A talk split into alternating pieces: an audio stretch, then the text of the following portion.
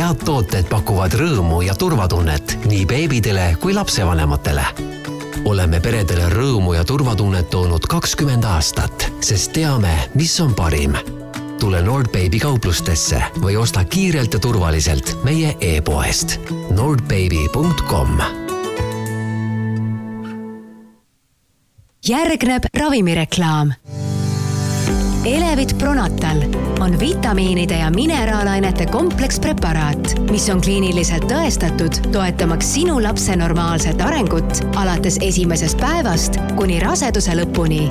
sinu beebi heaks. tähelepanu, tegemist on ravimiga. enne tarvitamist lugege tähelepanelikult pakendis olevat infolehte. kaebuste püsimise korral või ravimi kõrvaltoimete tekkimisel pidage nõu arsti või apteekriga tere, armas kuulaja! algab Pere ja Kodu podcasti Üheksa kuud, neljanda kuu saade. mina olen Katariina Ratassepp ja ma loodan, et last ootavad emad jagavad seda podcasti kindlasti ka oma kaaslastega, sest lapse ootus puudutab ikkagi kogu perekonda. Igas selles podcasti põhiosas me keskendume ühele raseduskuule. lisaks on meil ka põnevad erisaated, äh, kus me siis räägime sellistel teemadel nagu vankrid, ja riidest mähkmed ja nii edasi. aga täna me räägime neljandast raseduskuust ja tegelikult natukene kogu teisest trimestrist. Äh, sest esimene trimester on meil nüüd selja taga ja sellega loodetavasti on ka siis suurem iiveldus ja väsimus möödas ja täna ongi meil külas Ida-Tallinna Keskhaigla naistearst Konstantin Riidnõi, et rääkida, mis meid ootab ees. tere, Konstantin! tervist, Katariina!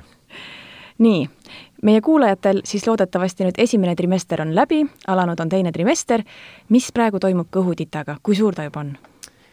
no teine trimester on väga lai, et kui me räägime teise trimestri algusest, sest ega, ega ta suurem kui, kui sada grammi ei ole, aga teise trimestri lõpuks on ta juba peaaegu et kilone. Mm.. nii et teine trimester on hästi põnev aeg ja nii, nagu te ise mainisite, et väsimus on ära, iiveldus on ära, silm särab, nii et tegelikult rasedatele teine trimester on ikka kuldaeg. ja lapsukese jaoks on see aeg ka äärmiselt oluline, sest tema kõik organid on juba tegelikult formeerunud ja mõned küll arenevad edasi, näiteks kopsud ja aju, aga suures osas on ikkagi kõik organid juba seal. ja sellega me jõuamegi sinna, et teise trimestri keskel, kahekümnendal nädalal, toimub raseduse kõige olulisem uuring mis see on siis? ja see on niinimetatud looteanatoomia uuring, ehk siis uuring, millal me teeme äh, screeningud ehk siis sõeluuringud äh, kõikide arengurikkete suhtes, mida muidugi on võimalik avastada. ega me ei ole jumalad, kõike ei ole võimalik avastada mm. -hmm. mida seal siis täpselt teada saadakse? et äh, me vaatame üsna põhjalikult äh, äh loodet siis sisuliselt tema pealaest kuni varvasteni välja. ja täpselt nii ongi loetleme varbat äh,, varbaid, loetleme sõrmiga, vaatame südant, selgroogu, aju, silmad, huuled, kõik siseorganid, nii et see on üsna põhjalik ja äh, kestev uuring. lootanatoomia tavaline aeg on umbes kakskümmend kuni kolmkümmend minutit, nii et tuleb kindlasti kannatust varada ja tavaliselt sinna võib siis isa ka kaasa võtta, eks ole? no hetkel jaa, muidugi, et Aga selles praegu... praegu kahjuks on äh, suurimate haiglate äh, otsus on ikkagi, et kaaslane praegu tulla ei saa, aga mm -hmm. loodame, me tõesti loodame, et see epidemioloogiline olukord läheb rahulikumaks ja siis saab tagasi tulla, see on tegelikult väga suur sündmus ja ka isadele, mulle endale nagu väga meeldib, kuidas, millal isad mhm. tulevad, ikka mees peab selles ka osalema mm. -hmm. kas seal vaadatakse ka platsenta asukohta? jaa, kindlalt miks see oluline on, kus platsenta on? ega tegelikult see, noh, kui me laias laastus ütleme, ega see väga oluline ei ole. oluliseks see muutub siis, kui näiteks äh, naisel on eelnevalt olnud keisrilõige ja platsenta asub täpselt selle keisrilõike arme peal, et noh, vot siis, siis see muutub nagu oluliseks, et kas seal tekib mingisugune platsenta läbikasvu kahtlus või midagi muud. või näiteks, kui platsenta asub täpselt emakakaela sisesuudme peal. et seda me nii-öelda vaatame ka kahekümnendal nädalal. et aga üldiselt need on väga haruldased asjad, nii et mm -hmm. seda mhm. kartma ei pea. kas platsenta võib pärast seda uuringut veel kusagile liikuda edasi? no ta nagu muidugi ei liigu, aga ta liigub koos emaga seinaga, nii et kui näiteks platsenta ja paljud rasedad küsivadki hirmuga, oi, siin on kirjutatud platsenta madalkinnitus, aga reaalselt see tähendabki seda, et kahekümnendal nädalal platsenta moodustab peaaegu pool temakaseina. nii et juba raseduse lõpuks platsenta nii suur ei ole võrreldes emakaseinaga, nii et muidugi, kui emakas kasvab, siis platsenda asukoht võib muutuda sellepärast, et emakas sein kasvab ka kas need uuringud võivad lapsele kuidagi kahjulikud ka olla? oi, kindlasti mitte ja tegelikult ega nendele küsimustele on, on juba ammu vastatud, ultraheli on kasutusel tegelikult sünnitusabis ju üle, üle neljakümne aasta ja on tehtud üsna suured uuringud ultraheli ohutuse kohta, et on teada, et tavapärane raseduse ultraheli ei ole absoluutselt ohtlik lootele. kas nüüd saab teada lapse soo? jah, kindlasti ja äh, tegelikult äh, Eesti sünnieelse diagnostika juhendi sees on äh, selgelt kirjutatud, et lapse sugu on tema anatoomiline osa, nii et seda peab vaatama. Mm.. ja mõnikord mõni õnnelik rase teab juba seda juba esimesest trimestrist, sest meie masinad hetkel on niivõrd võimsad, et kui laps teeb koostööd ja kui nähtavus on hea, et siis mõni tuleb juba sellise pilguga, et nüüd kontrollin arsti, kas ta siis paneb ikka täppi mm..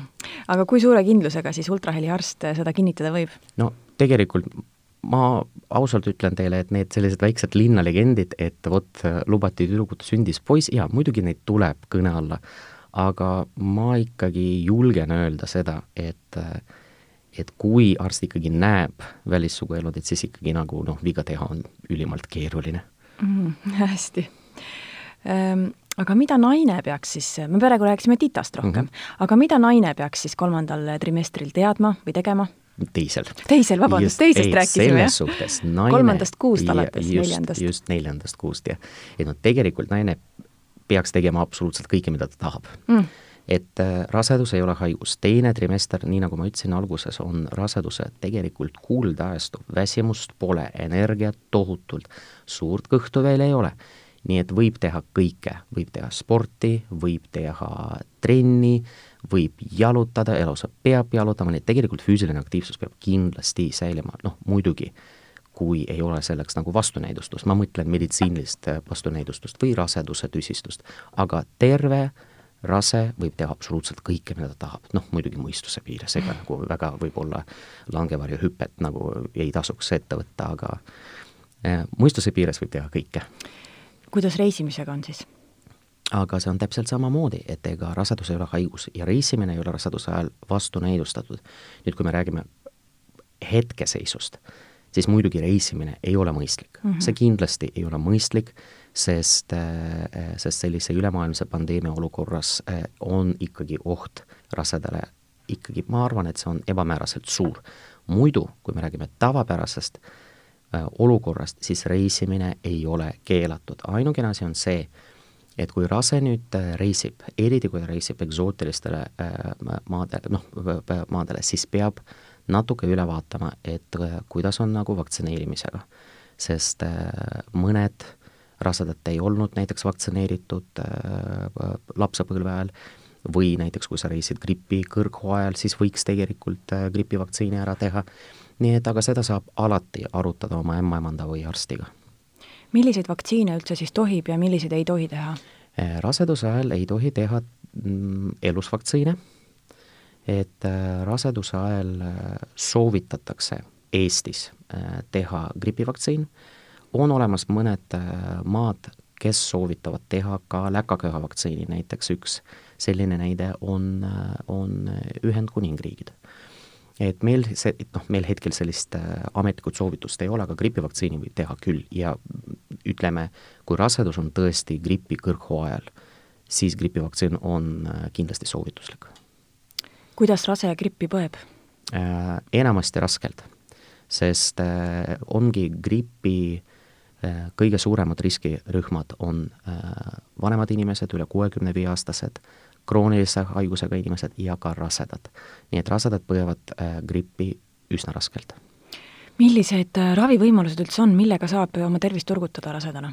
et ega selles suhtes, ega oma tervist turgutama ei pea, et normaalne terve keha äh, turgutab iseennast, kui sa sööd korralikult, kui sa oled aktiivne, siis sellist mõistet nagu immuunsuse tõhustamine, mulle absoluutselt nagu ei lähe see korda, et tegelikult terve, terve keha ongi terve. nii et kindlasti korralikult süüa, kindlasti äh, võtta meie kliimas, kindlasti võtta vitamiine juurde. Ja, ja kui me räägime infektsioon, või ütleme, infektsioonidest haigustest, siis kindlasti gripivaktsiin, kui on gripihooaeg, ja äh, mis oleks hea, on see, et kui sa jääd haigeks, siis pöördu ikka arsti poole mm. -hmm. ja siis täpsemad soovitused, mis ravimeid võib ja ei või võtta, tulevad siis jah, arstilt? jaa, muidugi, et noh, kui me räägime üldiselt, siis raseduse ajal on väga vähe ravimit, mida absoluutselt ei tohi võtta. ikkagi haiguse korral me ravime rasedaid ikka ravimitega. peavalu korral võib võtta paratsetamooli ja infektsiooni korral võib võtta antibiootikumi, lausa peab. aga see juba muidugi sõltub konkreetsest olukorrast mm. -hmm. aga me elame ikkagi aastal kaks tuhat kakskümmend, nii et ma küsin, kuidas, kuidas rasedad põevad Covidit? Eh, tegelikult eh, ega selle kohta on infot üsna vähe, ütleme Eesti kogemus eh, selle esimese ja nüüd teise lainega näitab seda, et meil enamik, enamik juhte olid tegelikult asümptoomsed aga kui me võtame teiste maade kogemust, seal on olnud ikkagi väga palju erinevaid asju, kuni, kuni kunstliku hingamiseni, kuni enneaegse sünnituseni ja kõike muud, meil lihtsalt on neid juht, juhte olnud õnneks väga vähe mm. -hmm et rasedana praegu ikkagi siis suuremaid üritusi oleks mõistlik vältida? E, oleks kindlasti mõistlik vältida mm, -hmm. sest, sest me teame seda, et ikkagi e, ülekanne toimub, enamik juhtudest nakatumine toimub ikkagi suurtel üritustel või noh, perekonnasiseselt muidugi ka või aga suured üritused kindlasti võiksid olla ära jäetud mm. -hmm. Lähme korra tagasi selle esimese teema juurde, ehk siis need uuringud mm, -hmm. et äh, kui sealt selgub, et midagi on natukene korrast ära, mis siis teha saab või mis siis tehakse? ega selles osas äh, noh, see on väga õige küsimus, et äh, me teame seda, et absoluutselt äh, igal rasedal on olemas umbes neljaprotsendiline risk, et lapsel on mingisugune arenguanomaalia. see ei tähenda automaatselt seda, et midagi on väga keerulist või ravimatut või eluks sobimatut. kui me näiteks äh, leiame südamerikked ja laias laastus südamerikked ongi kõige sagedasemad äh, kaasasündinud arengurikked, aga nad ka on väga erinevad, et siis saab uurida üsna sügavalt äh, lootesüda saame vaadata kõik kuni klappideni välja ja siis vastavalt leidudele siis korraldada edasine uurimine ja võimalusel ka ravi mm. -hmm. kas siis kõhus on juba võimalik loodet ravida? No Eestis kindlasti mitte, aga selles osas jaa, üsasisene ravi on ka võimalik, teatud haiguste korral seda tehakse, näiteks selline haigus nagu vahelihase song, seda ravitakse küll üsasiseselt juba, Äh, suur, ütleme suurtes keskustes ravitakse üsasiseselt ka äh, seljaajusonga, nii et, et jah, et maailmas, suures maailmas on suured võimalused. et meil Eestis on need võimalused natuke, natuke piiratud, aga diagno-, diagnostika, sünnieelne diagnostika Eestis ma julgen öelda, et on äh, väga heal ja kõrgel tasemel mm. -hmm. me siis rääki-, praegu rääkisime loote anatoomia uuringust. kas mingeid uuringuid tehakse teisel trimestril veel? Kui on olemas näidustus, siis tehakse äh, see, millest ma olen juba rääkinud, on loote ehokardiograafia, ehk siis vaadatakse veel sündimata lapse süda ja praktiliselt samas ulatuses, nagu, nagu äh, oleks vaadatud täiskasvanu inimese süda. võib teha ka loote ajuuring, äh, kui on olemas kahtlus või, või selleks näidustus. nii et tegelikult reaalselt võib uurida absoluutselt igat süsteemi mm. -hmm. kas mingeid uuringuid võib siis vanem tasuliselt veel ise juurde teha?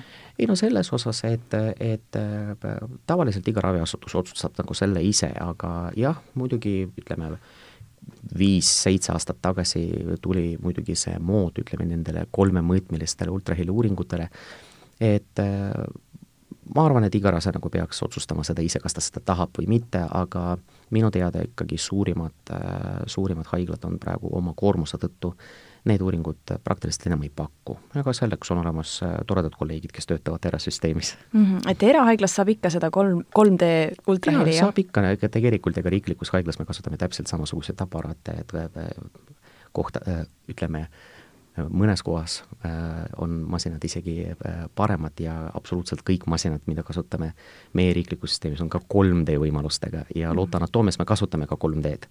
lihtsalt me kasutame seda diagnostika eesmärgil, et mitte meelelahutuse eesmärgil mm. -hmm millal võiks äh, tulevane ema hakata käima perekooli loengutes ja kas sinna võiks siis tulevase issi ka kaasa võtta? et no perekooli loengud on, ütleme, nad on ju väga erinevad, et, et minu arusaam asjast on küll selline, et, et absoluutselt iga rase ja iga tema kaaslane peaksid ise nagu otsustama, kas nad tulevad sinna kaasa, mõned loengud on kindlasti vajalikud äh, koos partneriga, näiteks sünnituse ettevalmistus ja kõik need muud asjad ja perekoolis võiks käia ma ei tea, võib-olla ideaalis võiks käia perekoolis võib-olla enne rasedust, aga mhm. tegelikult eh, kunagi ei ole hilja, kunagi ei ole vara.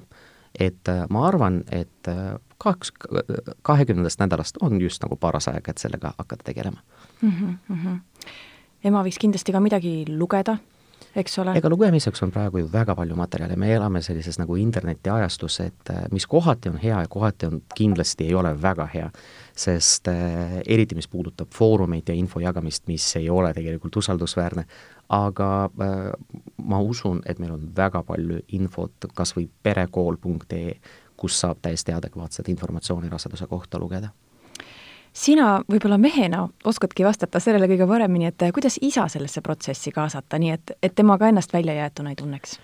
et ega tegelikult äh, uskuge mind äh,, kaasaegsed isad kaasavad ennast ise sinna protsessi, et tegelikult äh, mehed tunnevadki väga palju huvi, sest see on lõppude lõpuks tema laps, mis tuleb.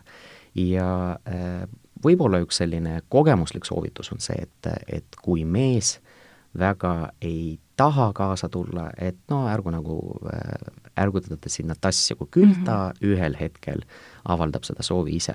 aga puhtalt kogemusena, et äh, ma töötan üle viieteist aasta, ma tean väga hästi, et mehed küll tahavad tulla ultraheliuuringutele, nendele õudselt meeldib see mm. -hmm. kuidas sünnitusega on, sünnitus ja isad?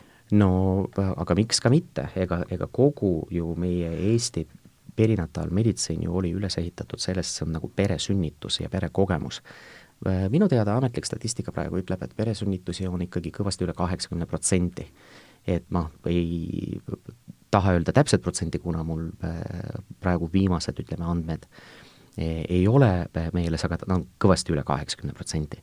nii et sünnituse isa, jah, äh, minu, minu kogemus näitab ka seda muidugi, et isad võivad olla üsna kasutud, aga mõned isad võivad olla üsna tublid toetavad ja kindlasti naisel on oluliselt äh, lihtsam läbida seda protsessi. aga kuidas isa võiks siis ennast äh, emotsionaalselt selleks ette valmistada? noh, naine niikuinii valmistub kogu aeg selleks, aga ma arvan, et, et kõige parem, mida isa, tulevane isa võib teha, on toetada oma naist ja olla temaga koos. kuulata tema kaebusi, natukene võib-olla jonni ja ei ole midagi, elab üle. nii et olla koos oma naisega mm. -hmm no mulle tundub, et me oleme kõik teise trimestri sellised olulisemad teemad läbi käinud, ma küsiks lõpetuseks hoopis natukene sellist iluteemalist küsimust, et mida teha venitusarmidega, see on kindlasti väga paljudel rasedatel naistel mure. ega kahjuks äh, siin teha on üsna vähe. venitusarmid tulevad, venitusarmid mõnel naisel tulevad, mõnel ei tule üldse. et ainukene soovitus on see, et kuna nahk venib, siis nahka tuleb niisutada. Et äh, on olnud lausa mõned uuringud, mis näitavad, et füüsiline koormus ehk siis sportimine raseduse ajal võib ennetada venetusarmi mm. -hmm. samas see muidugi, see, see tugev tõendus ei ole, aga äh, see on üks loomulik osa rasedusest. nii et kui nad tulevad, et ei ole kindlasti mõtet nagu nüüd väga meelt heita, et, et ei ole hullu, see on üks, see on üks mm -hmm. loomulik osa elust. Jah, seda on julgustav kuulda, see on lihtsalt üks loomulik osa elust aga aitäh, Konstantin, et sa leidsid aega meiega rääkida. aitäh, et kutsusite aitäh, armas kuulaja, et meid ära kuulasid. kõik meie saated on leitavad Spotify'st, iTunes'ist, SoundCloud'ist ja kõikidest teistest suurematest podcast'ide rakendustest. leidke meid üles ja hakake jälgima, et uued episoodid jõuaksid esimestena teieni. Kuulmiseni! Head tooted pakuvad rõõmu ja turvatunnet nii beebidele kui lapsevanematele. Oleme peredele rõõmu ja turvatunnet toonud kakskümmend aastat, sest teame, mis on parim. tule Nordbaby kauplustesse või osta kiirelt ja turvaliselt meie e-poest nordbaby.com toidulisand Elevit Breastfeeding soodustab lapse silmade ja aju arengut ning toetab ema immuunsüsteemi ja aitab vähendada väsimust. sinu ja sinu beebi heaks